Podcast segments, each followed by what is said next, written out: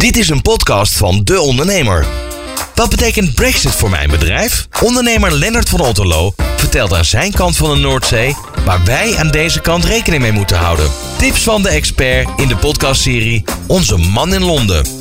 Met maand 1 van Brexit achter de rug weten we dat zo'n 500 Britse bedrijven serieuze interesse hebben getoond om zich in Nederland te vestigen. En dat stelt overheidstaskforce NFIA, die buitenlandse bedrijven begeleidt bij het investeren in Nederland. Ik praat ook daarover met Lennart van Otterlo. Onze Man in Londen met Lennart van Otterlo. Lennart, uiteindelijk dus inderdaad die stevige interesse vanuit het Britse bedrijfsleven. Ja, ja en dat, dat verbaast me eerlijk gezegd ook niet zoveel. Um, wat, wat mij wat, wat opvalt is dat het vooral het middenbedrijf is. De, het, het grote, de, de grote multinationals die hebben eigenlijk al in de afgelopen jaren zich redelijk voorbereid. Ja. Uh, maar in het MKB was er eigenlijk ja, geen, geen geld voor, geen tijd. Uh, de pandemie was even een, een groter uh, probleem. En ze wisten niet waar ze zich op moesten voorbereiden. Dus wat je nu ziet is dat het vooral het middenbedrijf is die ineens zegt van hé, hey, um, wat we nu zien zijn geen, geen kinderziektes. We hebben een deel van deze administratieve romslomp, van deze, deze problemen, van deze extra kosten, die blijven we houden, wat er ook gebeurt. En um, ik moet een uitweg zoeken. En als je nu ziet, ik zie het zelf anekdotisch ook, dat het uh, bovengemiddeld vaak Nederland is wat er hier voorbij komt in uh, vestigingsplaats voor, voor bedrijven die een uitweg zoeken je ziet het vooral eigenlijk dat het logistieke bedrijven zijn. Dus um, de transportkosten van en naar de UK zijn enorm toegenomen. Omdat de transporteurs zeggen van nou, we, laten, dat, we laten dat links liggen, want het is te veel gedoe. En als jij pak een beetje een Brits bedrijf bent dat uit Azië importeert, waar je klanten zitten door heel Europa, dan ga, wil je niet twee keer die grens over. Dus dan ga je jouw, jouw pakhuis, zet je ergens neer uh, waar het maar één keer de grens over moet. En dat is Nederland vanwege ja, logistieke expertise, vanwege de ligging, Schiphol en, en, en, Rotterdam, is een hele logische keuze. En ik denk dat we dat in de praktijk zien. Lennart, dit is natuurlijk wat uh, richting Brexit al herhaaldelijk is gesteld. Hè? Dat de kans groot zou zijn dat veel Britse bedrijven vanwege Brexit naar Nederland zouden komen. Wat ook veel is uitgesproken is het letterlijk verhuizen van banen vanuit het Verenigd Koninkrijk naar Nederland. Is, is dat ook inderdaad aan de orde? Je ziet het een beetje. Uh, ik denk dat je het eigenlijk vooral een beetje ziet in de financiële sector. Uh, het is voor een, een, werkgever heel duur om uh, een, een, een, eigen personeelslid te vertellen van hey, kun je nu naar een ander land verhuizen met, met je partner en je kinderen. Dat, dat, dat, zijn, dat is heel duur. Um, dus dat, dat soort dingen zie je eigenlijk alleen een beetje in de financiële sector. Waar ja, de, de, je het hebt over uh, mensen die ontzettend veel geld maken voor jouw bedrijf, waar het uit kan. Ja. Uh, ik denk in de praktijk wat we vooral gaan zien, is dat het niet zozeer individuele personen zijn die verhuizen, maar dat het de baan is die verhuist. Dus een bepaalde afdeling in Londen die groeit niet meer of die krimpt langzaam, terwijl uh, de, de, de, de, afdeling in Amsterdam of in Frankfurt of Parijs die groeit. En dan is het dus niet het poppetje dat verhuisd is, maar wel eigenlijk de, de, de functie.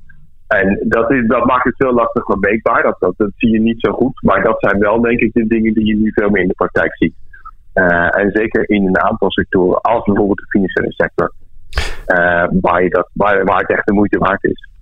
Zoals we al aangaven, Lennart, het is maand 1 van Brexit die we achter de rug hebben.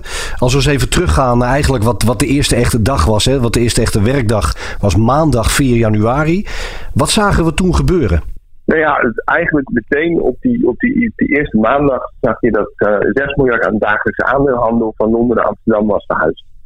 En dat is, ja, Amsterdam is gebleken een hele populaire plek voor een heel specifiek stukje van de, van de financiële sector, voor, vooral handel en, en tradingplatforms. En uh, dus de London Stock Exchange, um, uh, CBOE, een aantal hele grote handelaren, die hebben een, een in Amsterdam opgezet. En we zagen dus op dag 1 eigenlijk die dagelijkse 6 miljard van de ene op de andere dag in, in Amsterdam opduiken, omdat dat niet meer in de UK komt. Nou, dus dat was eigenlijk al een beetje de opener. En ja, wat we toen in die eerste week zagen was eigenlijk het wegblijven van, uh, van die enorme files bij de grens die we de week ervoor hadden gezien. Precies, ja. ja. En um, wat, wat, we nu weten is dat um, bedoel, normaal in januari zakt het verkeer altijd in. Het is een beetje een rustige maand. En nu was het dus echt flink ingezakt, omdat een heleboel bedrijven zeiden van nou, ik, uh, die hadden of hun transport al naar voren gehaald, of die zeiden van nou, ik wacht eventjes met, het, met de dingen de grens oversturen totdat het zeker is. En veel transportbedrijven die zeggen van nou, ik ga niet het risico lopen dat mijn chauffeur in die grens, aan de grens vaststaat. Ja. Dus die, toen werd het natuurlijk een beetje gemeden. Nou, dat begon je vrij snel te zien in de, het stijgen van de transportkosten, omdat er gewoon veel minder capaciteit is. En dat zijpelde door naar ondernemers die ineens zagen van ja, bepaalde producten de grens over krijgen is niet meer rendabel. Als ik ineens twee keer zoveel moet betalen om het die grens over te krijgen. En dat zijn kleine stapjes die we zeg maar, door, de, door de, eerste maand heen door hebben zien vallen. En ik denk ook dat dat de reden is dat, dat nu steeds meer bedrijven zeggen van hé hey, ja, dit, dit kan gewoon niet, ik moet iets doen. En dan zie je ze dus in Nederland bijvoorbeeld opduiken. Zeggen van kan ik mijn bakkers hier neerzetten. Wat voor ehm, rol heeft het eh, coronavirus hierin gespeeld, eh, denk je? En zeker ook hè, met die langere wachttijden bij de grens. Het eindeloze vele papierwerk, dat gedoe met BTW. Wat in het begin van januari nog wel, uh, wel meeleek te vallen. Intussen zijn die tijden natuurlijk ook veranderd. Maar zouden bedrijven ook wat voorzichtiger zijn geworden vanwege corona? Nou, ik, ik denk het wel, ja. Je, ziet, um, wat natuurlijk heel veel uitmaakte, is hoe Frankrijk omgaat met, uh, met grenzen. Dus de problemen die we met kerstdagen aan de grens kwamen, was heel duidelijk dat Frankrijk op een gegeven moment zei van ja, wij willen geen vrachtwagenchauffeurs hebben die binnenkomen um, die niet getest zijn. Ja, dat, is natuurlijk, dat heeft een enorme impact op de logistiek. Um, en verder zie je natuurlijk dat en dat maakt alles een beetje lastiger lezen. De pandemie heeft natuurlijk alles overhoop gehaald. Bepaalde sectoren draaien ineens uh, op uh, tien keer zo hard. En andere sectoren liggen bijna helemaal stil. Dus er zit een, heel verstorend effect in, in van alles. In, en dat dus ook in, in transportkosten. En uh, in andere, allerlei andere dingen die normaal de grens overgaan. Door ook, ook in, in, in dienstverlening bijvoorbeeld zie je dat de dingen ineens heel anders lopen. Nogmaals, eerste maand na Brexit. Wat kun je zeggen over hoe de Britse economie tot nu toe geraakt is uh, door Brexit? En ook daar kunnen we, Lennart, natuurlijk eigenlijk de corona-ontwikkelingen uh, daar bij jullie niet los van zien. Nee, het, er gebeuren een aantal, een aantal rare dingen. En wat je nu ziet is dus dat bedrijven merken van hey, ja, een deel van deze frictie die, die blijft. En wat we eigenlijk nu hebben gezien, het schijnt dat er, um, dat er gewoon helemaal geen export van levend vee is geweest. De hele maand januari. Uh, omdat het gewoon, ja, de, met alle keuringen en zo, dat het te ingewikkeld is. De, de, de visexport is helemaal ingestort. Ja. En uh, ja, het is geen gigantisch onderdeel van de economie. Maar het is wel iets wat denk ik tekenend is voor ja, hoe, dit, hoe verstorend dit is. En dan komt die pandemie daar dus nog eens bovenop. Die hele rare economische effecten heeft gehad. De, we weten bijvoorbeeld niet echt heel goed hoe hoog de inflatie nu is. Omdat de, de manier waarop je dat meet. Mensen zijn nu ineens zo anders gaan winkelen. Dat je gewoon eigenlijk niet echt een heel goed idee hebt wat, wat, wat die impact is. Dat gaat waarschijnlijk nu flink omhoog. En dan heb je het, rare fenomeen nu dat de, pond waarvan iedereen dacht van ja, die zal gaan wegzakken. Dat die nu juist omhoog is geschoten. Uh, en het relatief goed doet. Omdat er mensen zijn die zeggen van hé, hey, die Britten doen het eigenlijk nog best goed met vaccineren. Misschien gaan ze, uh, misschien gaan ze straks wel als eerste weer die economie opengooien. Ja, want, want precies wat je zegt, Lennart, wat daarover gesproken. Hè? Um, dat pond, hè, als we dan toch over een winnaar hebben van, uh, van de eerste Brexit-maand. Um, die is eigenlijk sinds de jaarwisseling met 2,5% opgeveerd ten opzichte van de euro. Dus het hoogste niveau sinds mei 2020. Um, ehm, die opleving, link jij die dan aan Brexit? Of juist dus, wat je eigenlijk al zegt, ook aan het coronavirus? En de manier waarop jullie dat uh, daar aanpakken? Dat is helemaal het virus. Want ja, um, als je kijkt naar de economische uh, cijfers, uh, bedoel dat de export dus van een aantal sectoren helemaal is weggezakt, dat de kosten omhoog zijn gegaan. Dat zou, dat zou een teken moeten zijn dat het ja, economisch niet zo goed best gaat. Maar het is dus juist het vooruitzicht dat ze misschien hier uh, boven verwachting hoor, eerlijk gezegd. Ik had niet verwacht dat, uh, dat de Britten het zo goed zouden doen. Dat juist de uitrol hier redelijk uh, van het vaccin hier redelijk voorspoedig gaat betekent dat sommige uh, investeerders zeggen van hé, hey, misschien komen ze wel als eerste straks weer uit de startblokken. En, en dat is het. Het is niet, uh, het is niet de brexit.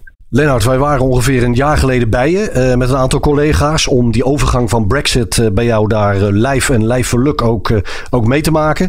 via jou hebben we toen heel veel Nederlandse ondernemers in Londen gesproken in de meest uiteenlopende sectoren. voor jou bekende natuurlijk vanwege het Michiel de Ruiter netwerk waar veel Nederlandse ondernemers bij zijn aangesloten en waar jij ook een van de medeoprichters van bent. Wat kun je vertellen over die ondernemers anno nu? Want we zijn een jaar verder en Maand 1 is net achter de rug. Hoe hard zijn zij geraakt door Brexit? Nou ja, dat, verschilt enorm per sector natuurlijk. Ehm, en uh, dat is ook een beetje een kwestie van hoe je er op, in uh, gesprongen bent en hoe je, hoe je erop in kan springen. Ik, ik ken een ondernemer die altijd zelf zijn eigen uh, drank naar de UK haalde, die hier een, een kroeg heeft. Ja. En dat kan nu niet meer, dus die heeft zijn eigen importbedrijf opgericht, waarmee hij ook ineens andere kroegen bedient. Eh, en daarmee haalt hij voornamelijk speciaal bieren uit Nederland uh, naar de UK. Dat is allemaal een stuk ingewikkelder geworden. En dat betekent ook dat er ineens een markt ligt. als je dus frictie krijgt op, aan zo'n grens, dan zijn er een aantal partijen die zeggen van nou, dat, daar stap ik uit en dat kan voor mij niet uit. Maar er zijn er ook partijen die zeggen van nou, dat is juist een, een kans. Want als het moeilijker wordt en jij hebt daar expertise in, dan, is dat een, dan, is, dan liggen daar kansen. En dat heeft hij dus gedaan. Dus hij heeft nu een importbedrijf. Uh, en dat had hij zonder de Brexit waarschijnlijk niet gehad. Dus dat zijn wel hele aardige voorbeelden. Ik weet een voorbeeld van een bedrijf dat, dat eigenlijk aan het voorbereiden is op de grote verstoring in de arbeidsmarkt die hier gaat plaatsvinden. We verwachten dat de, dat de werkloosheid enorm omhoog gaat. Tegelijkertijd is de, de influx van, um, van goedkoop personeel is eigenlijk helemaal verdwenen. Want niemand komt nu nog jaartje in de horeca werken in Londen. Um, al die verschuivingen, daar gaan dus ook bepaalde partijen winst uh, mee maken. Die zeggen van ja, wij kunnen nog wel dat personeel vinden. Of wij gaan mensen tijdelijk aan een baan helpen. Uh, want schoolverlaters gaan het straks ineens een stuk moeilijker krijgen. Dus daar zitten, er zijn partijen waar, waarvan ik weet, die zien kansen in juist die verstoring. Uh, en dat is, ja, dat is typisch ondernemerschap, denk ik. Ja, ja, de Nederlandse ondernemersgeest viert hoogtij uh, in het Verenigd Koninkrijk, zullen we maar zeggen, Lennart. Ja. Met, uh, met maand 2 van Brexit nu in, in aantocht. Um, wetende dat, wat we net al aangaven, Lennart, zo'n 500 Britse bedrijven die deze kant op zouden willen komen om zich in Nederland te vestigen.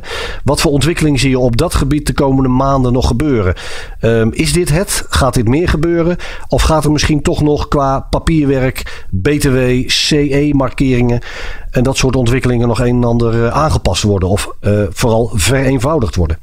Nou, ik, ik denk eerlijk gezegd um, dat het niet heel veel eenvoudiger gaat worden. Wat wel gaat gebeuren is uh, dat die transportkosten op een gegeven moment weer omlaag gaan. Ja. Um, dat, dat, dat moet gewoon gaan normaliseren op een gegeven moment. Dat bedrijven zeggen van nou, we hebben nu, het is nu redelijk stabiel, we weten waar we aan toe zijn. Dus we durven onze vrachtwagens weer de grens over te sturen. En dus dat is denk ik een tijdelijk effect, dat dat nu gewoon even heel duur is. Um, maar ja, dit BTW, daar, gaat, daar, daar zie ik niet aan veranderen. Uh, een heel groot deel van het papierwerk zie ik niet aan veranderen. Wat eventueel wel weer gaat gebeuren is um, dat uh, het, het, de export vanuit de UK van voedsel bijvoorbeeld iets soepeler wordt. Als er wat meer capaciteit is wat betreft inspectie en dergelijke dat gaat wel weer veranderen, denk ik. Dat gaat nog verbeteren. Maar ja, een heleboel van deze effecten zijn, zijn permanent. En ik denk dat wat er nu gebeurt, is dat een heleboel bedrijven dus merken van hé, hey, dit zijn geen kinderziektes, dit is permanent. En dan kiezen om ergens anders te gaan zitten. En dat, dat blijft denk ik het hele jaar nog wel zo. Dat er bedrijven zijn die zeggen van zo, zo gaat het niet, dit, het moet anders. En dan bijvoorbeeld voor Nederland we spreken je snel weer, Lennart, vanuit Londen. En natuurlijk, je blog zijn te lezen op eh, deondernemer.nl over Brexit. Onze Man in Londen is een podcastserie van De Ondernemer. Voor nog meer podcasts ga je naar deondernemer.nl.